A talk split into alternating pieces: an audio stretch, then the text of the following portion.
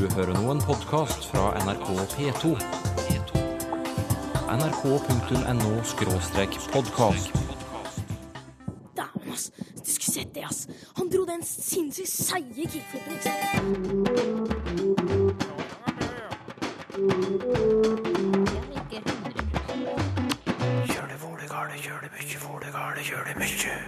Det greske nei, åki, har en helt spesiell plass i landets historie. Og når man da roper «ochi», så er dette noe som grekerne virkelig kjenner igjen som en del av sin nasjonale identitet. V2-regelen bestemmer hvor verbet skal stå i setningen. Men trenger vi en sånn regel, da? Veldig veldig mange språk klarer seg fint uten den. Så vi kan godt si at det er en type pynt. Og ordene kinky og kinky har en del til felles. Noe som er vridd, bøyd, snudd, og som snor seg.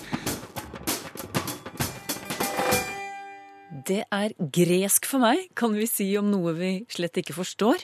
Men ett gresk ord har vi lært denne sommeren. Ohi. Ohi. Ohi betyr altså nei. Det har blitt ropt ut på gatene, foran parlamentet, det har prydet plakater over hele Hellas. Ohi eller nei til EUs krav om kutt og reformer. Men åki har i tillegg en helt spesiell betydning i gresk historie. Aslak Rostad, du underviser i klassiske fag ved NTNU i Trondheim. Hva er det som gjør ordet åki så spesielt at grekerne faktisk feirer en egen åki-dag hvert år? Ja, det går tilbake til 1940. Ehm, Den 28. oktober så kom det et krav fra Mussolini om at, eh, at Hellas måtte åpne sine grenser og tillate eh, italienske tropper å besette strategiske punkter i Hellas. Dette kravet ble framsatt for den eh, greske statsministeren, som het Johannes Metaxas. Og han skal da ha svart med ett ord, nemlig «ochi». I realiteten så, så, så sa han visst 'allo, selagé', sa han da visst på fransk. Det han egentlig sa da. Ja, Hva betyr det? Det betyr altså altså er det krig. Eh, Men det ble i hvert fall da eh, tolket som at han sa bare 'ochi'.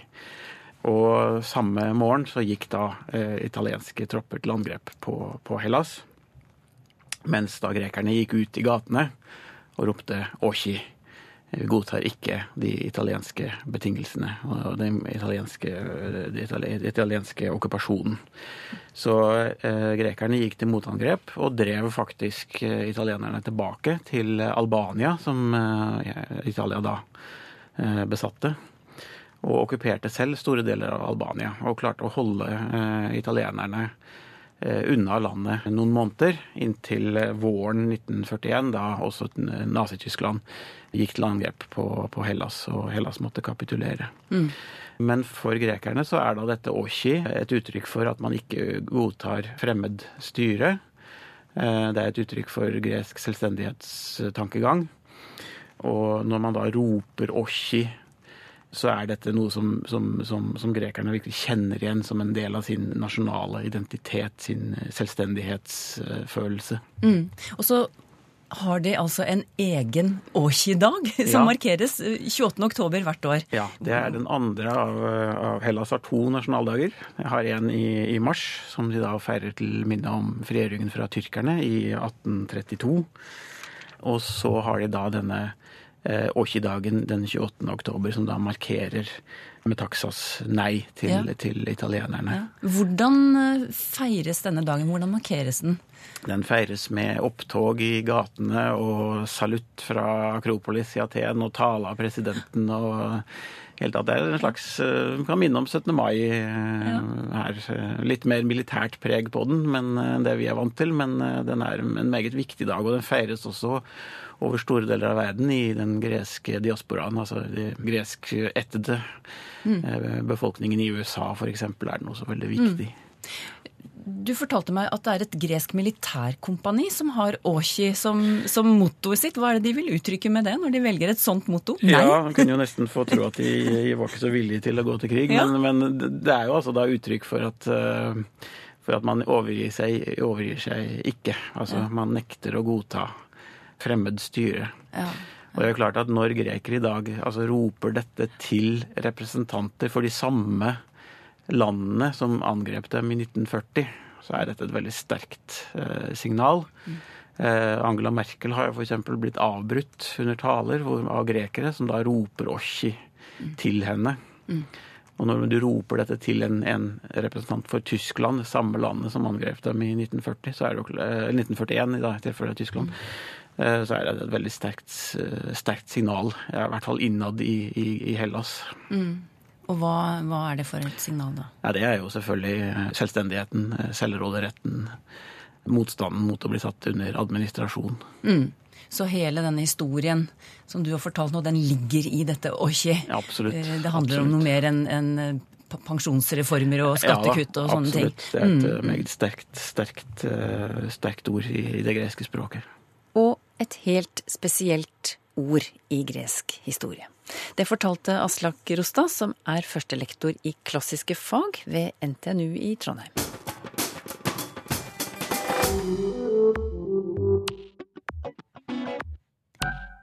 Hvorfor flytter nektelsen ikke seg, spør Viljar Søyland i en e-post.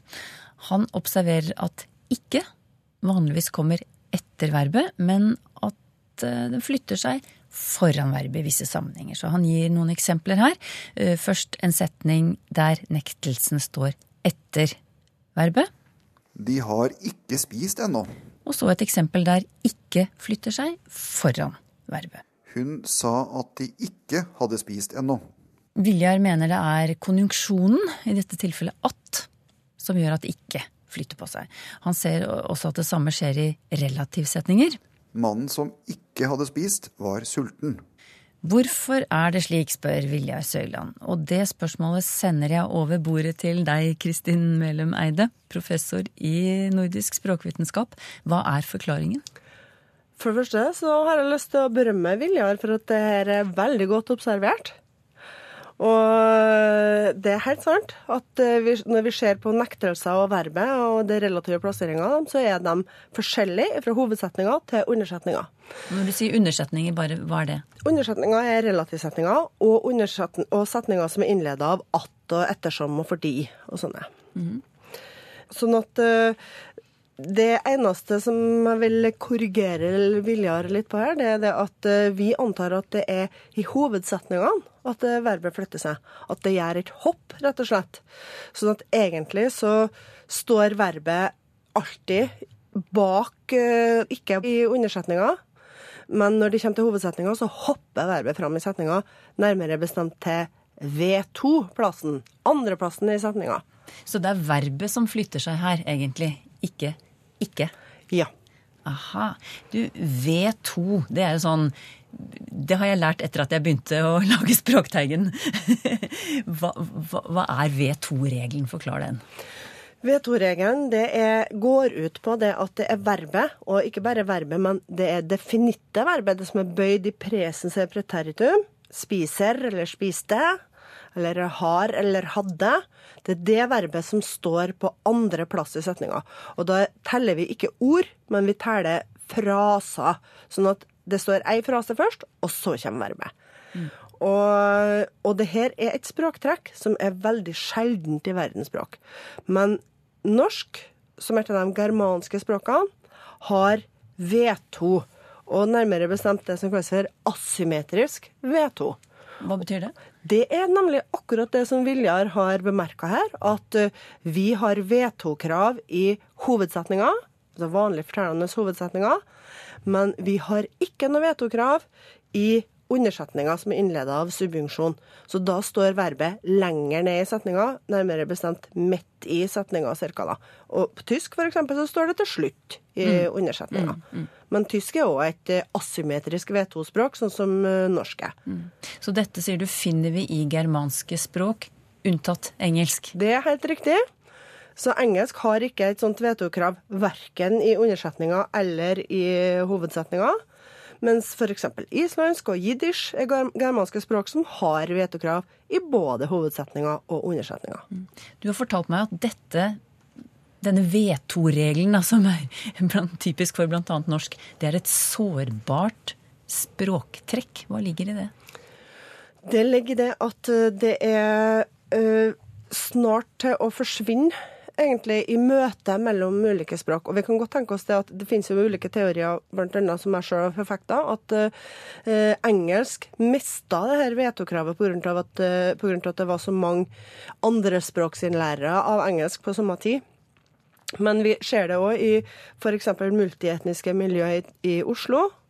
Eh, så ser vi det at eh, f.eks. Toril Oppsal har skrevet om det her i Oslo, at egentlig alle kan bidra. Vi har en eh, avhandling som heter 'Egentlig alle kan bidra', og det er ganske typisk språktrekk ved multietniske miljø. Og vi ser med sånne såkalte innvandrerromaner, så bruker man mangel på V2 bruker man som en markør for å vise frem at vedkommende som har forfatta det her, ikke har norsk som morsmål. Sant? Så det blir en sånn markør av fremmedhet, det at du ikke plasserer verbet på andreplass. Mm. Du, du har med deg noe lyd til studio i dag. Vi skal høre på en som bryter V2-regelen. For du forsker bl.a. på amerikanorsk og har vært i USA for å samle inn talemålsprøver. Hva er det du har med deg? Det her er en velkomsttale av eh, en vertinne som eh, da tok imot oss når vi kom til USA. Og vi, her er vi i en liten by som heter for Blair. Og vi bruker ikke informantens virkelige navn, så vi kaller henne for Lena. Og hun holdt da en tale for oss når vi kom, og den holdt da på norsk. Mm. Hva er det vi skal legge merke til? Vi skal bare spille noen få sekunder, men hva er det vi skal være obs på her? Her skal vi være obs på at hun Lena Sjøl om hun har hatt norsk som eh, morsmål og vokst opp med norsk, så legg merke til at hun ikke plasserer verbet på andreplass i en hel del setninger. Og nå i dag i Blair, vi har nok industri. Vi har en stor uh, ostfabrikk. Uh, De lager ost. Og litt lenger opp vi har en stor ny høgskole. Og så da vi har en lefsefabrikk opp ta en av din, og du skal få fersk lefse her i dag som er baket. Det var eh, Lena, norsk-amerikaner, som ikke følger V2-regelen lenger. Har du en kommentar, Kristin? Ja, merk at uh, i f.eks. i Blair, vi har noe industri. Vi har vel sagt 'har vi'.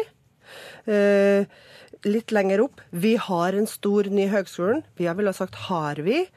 Også der vi har en lefsefabrikk, og vi ville ha sagt 'har vi'. Lag merke til det. ikke sant? At vi, vi har ville bytte rekkefølgen på verbet og, og subjektet i dette tilfellet. Mm. Og så sa du før vi hørte mm, disse lydeksemplene at denne V2-regelen, regelen om plassering av verbet i norsk, det er et sårbart språktrekk. Og noe av det første som forsvinner når f.eks. norsk møter et annet språk. Hva kommer det av at det er så sårbart? Det kan man tenke seg veldig mange forskjellige mm, årsaker til. Og nå må jeg egentlig bare altså, Vi vet ikke helt sikkert. Men én ting vet vi, og det er det at eh, det, det er ikke nødvendig for kommunikasjon. Sånn at får, den setninga får ikke annen betydning i og for seg om, du, om hun sier i Blair 'vi har en lefsefabrikk', eller om vi bytter om og sier 'har vi' en lefsefabrikk. Det betyr, Setninga betyr akkurat det samme, så det er ikke liksom veldig kritisk for kommunikasjon. Så det er én ting. Men en annen ting er det at, eh, som, eh, som vi var inne på, så er V2 et veldig sånn eksotisk trekk. Og sjøl om det virker ikke sånn for oss, for det at alle nabospråkene våre, de germanske språkene utenom engelsk, som du sa, eh, har det her V2-trekket. Men hvis vi ser på alle verdens la oss si 6000 språk, da, som er liksom anerkjente et anerkjent tall, så er det veldig sjeldent og eksotisk med V2-regelen. Og det betyr at veldig veldig mange språk klarer seg fint uten den. Så vi kan godt si at det er en type pynt. Mm. Men så er en tredje mulig forklaring òg. Det går på det at eh, vi bruker verbet til å markere hva slags setning det er. Så vi var inne på at det skjer mellom undersetninger og hovedsetninger. Men plasseringa på verbet til oss forteller oss òg om det her er imperativ setning, f.eks. gå dit, eller om det er det som kalles vilkårssetning, at hadde jeg bare hatt en Da ser vi at det er vilkår, eller spørresetning, at hadde du hatt en kopp kaffe? Da, så vi bruker plasseringa av verbet til å signalisere hva slags setning det er. Og det er òg et språktrekk som er veldig lett å låne inn, eller lett, veldig sårbart i møte mellom ulike språk. Så det her er ting vi vet fra annen forskning. da. Mm. Altså et unødvendig, sårbart og sjeldent språktrekk. Hva vil bli vetoregelens skjebne? Nei, det Du kan jo gjette, og så kan jeg gjette. Men Det eh, høres jo ut som det står, står for fall, da. Jeg vet ikke. Men Ja, og så en trussel mot vetoregelen for oss, det er jo det at, at det er så mange som egentlig er, som vokser opp i dag, som vokser, opp og egentlig er tospråklig norsk-engelsk. For det at unger som vokser opp i Norge i dag, de kan så godt engelsk. Og som du var inne på, så har ikke engelsk vetoregelen. Og da kan man tenke seg at over tid så vil denne engelskpåvirkninga bidra til at vetoregelen forsvinner ifra norsk. Og vi kan nå tenke oss at det er samme som har skjedd i norskamerikanernes sitt språk, at de forholder seg både til norsk og engelsk, og så blir det det engelske setningsstrukturen som blir den dominante, og, så, og da er ikke V2 nødvendig. V2-regelen, sjelden og sårbar, fortalte språkprofessor Kristin Melum Eide ved NTNU. Og krus i posten til deg, Vilja Søyland, som stilte spørsmålet.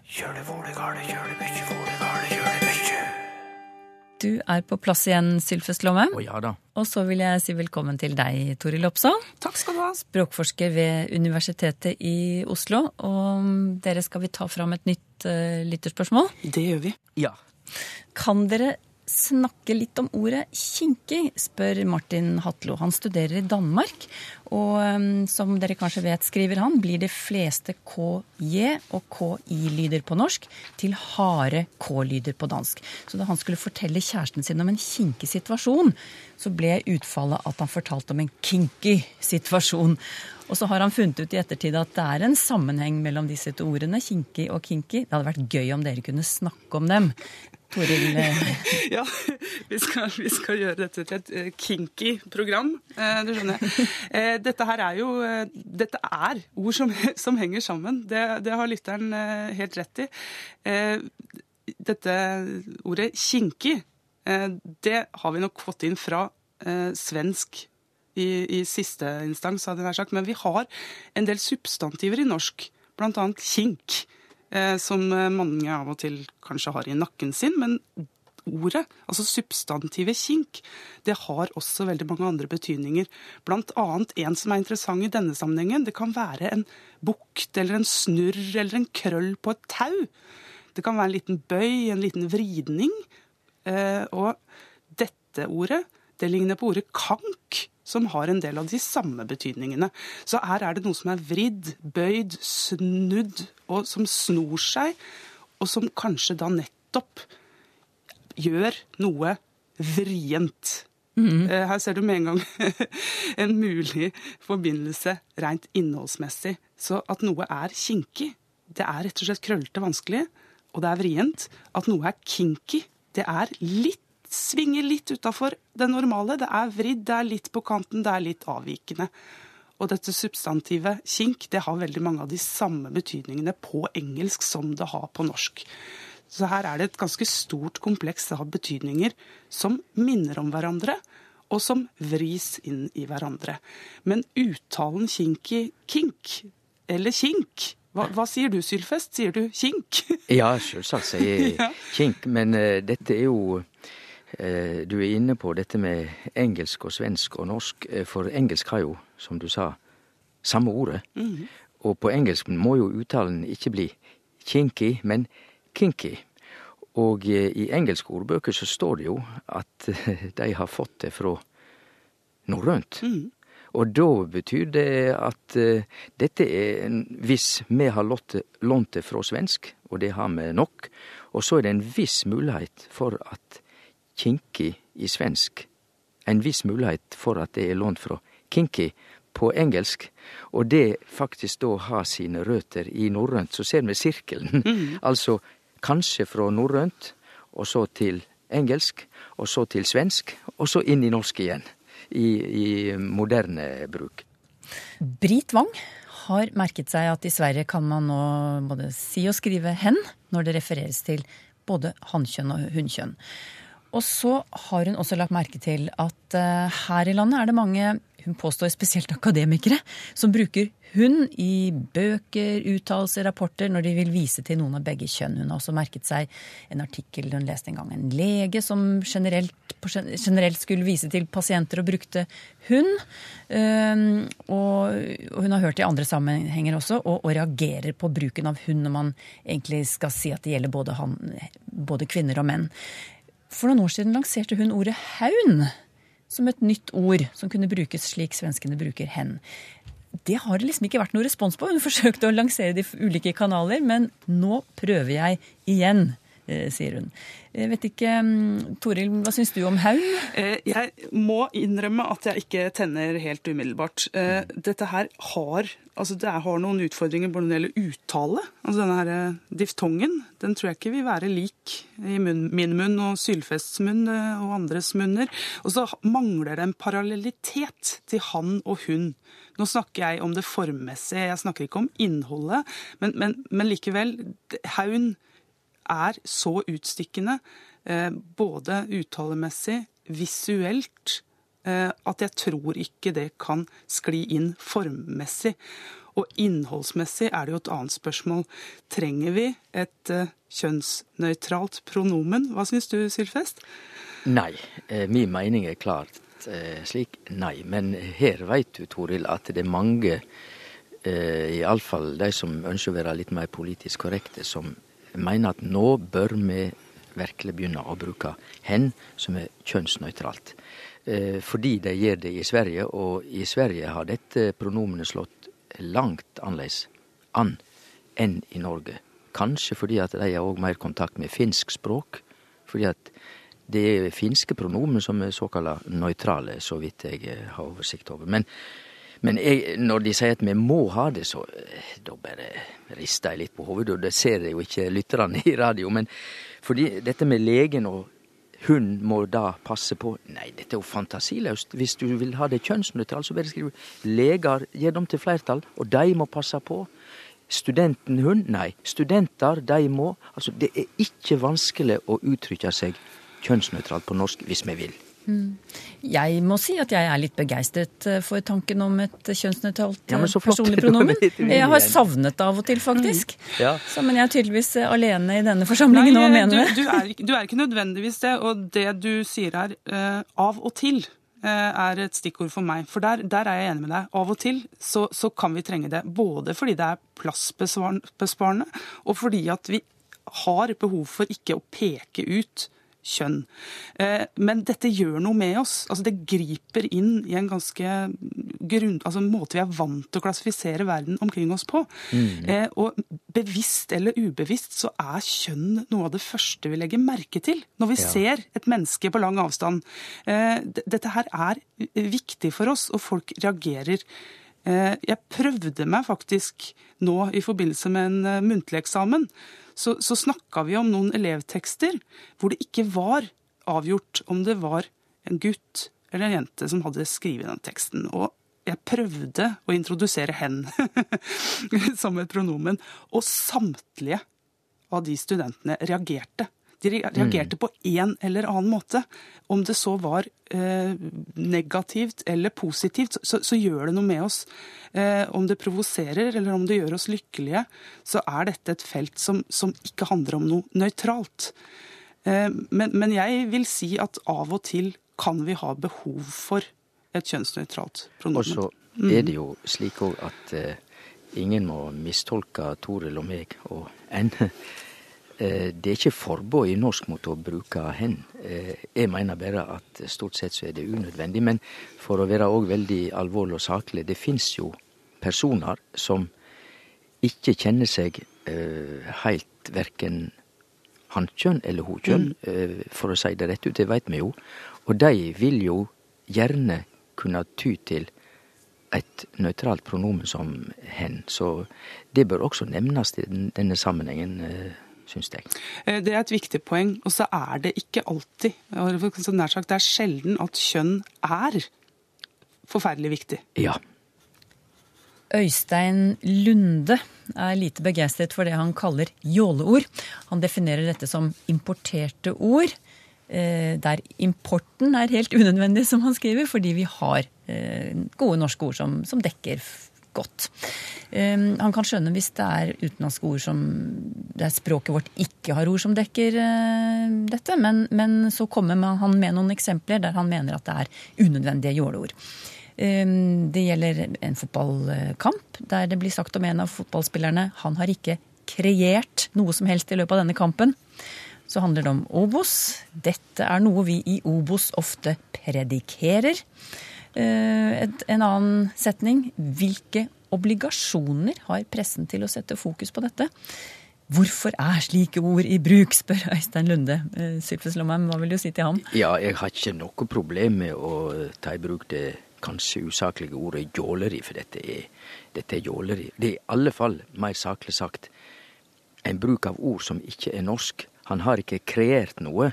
Nei, vi sier han har ikke fått til noe, eller skapt noe, eller laga noe. Og dette Hvilke obligasjoner har pressen? Nei, hva krav har pressen til å Altså, Vi bruker ikke obligasjoner slik på norsk. Dette er unorsk språkbruk. Men, men hvorfor? hvorfor? Ja, det, det, er innlånt fra engelsk. Obligation. Ja, jeg skjønner det, men hvorfor, men hvorfor, bruker folk disse ordene? Ja, Det må jo spørre de som bruker dem, om de bruker tanker i det hele tatt på det. Men grunnen til at dette tar i bruk, er at det, det liksom det gir seg. Så det er jåleri. Eh, ja, du spør jo om grunnen til at man bruker disse orda. Eh, det kan nok tenkes at dette her handler om et ønske om å framstå som viktig og som interessant og som faglig og framstå med en grad av eh, tyngde. Eh, men at dette tenderer mot å være jålete, det, det må jeg si meg enig i i mange sammenhenger. Men i noen tilfeller så trenger man fagord, og man trenger en presis måte å uttrykke seg på. Men i de eksemplene du her har kommet med, så, så, så må jeg kaste meg på Hva var det du kalte det, Sylfest? Det ufaglige jåleordbegrepet. Mm. Har du spørsmål til Språkteigen? Skriv til Teigen, krøllalfa nrk.no, eller til Språkteigen, NRK P2, 7005, Trondheim. Så finner du oss også på Twitter og på Facebook. At dialektene lever i beste velgående i Norge, det vet vi. Men hvordan er det hos naboene våre i Sverige og Danmark? Ja, De danske dialektene, de er Jeg pleier å si at de er døde. Det var jo mange barn som kom med dialekter til skolen, men det fikk man altså ikke prate i skolen. Språkteigen om en uke.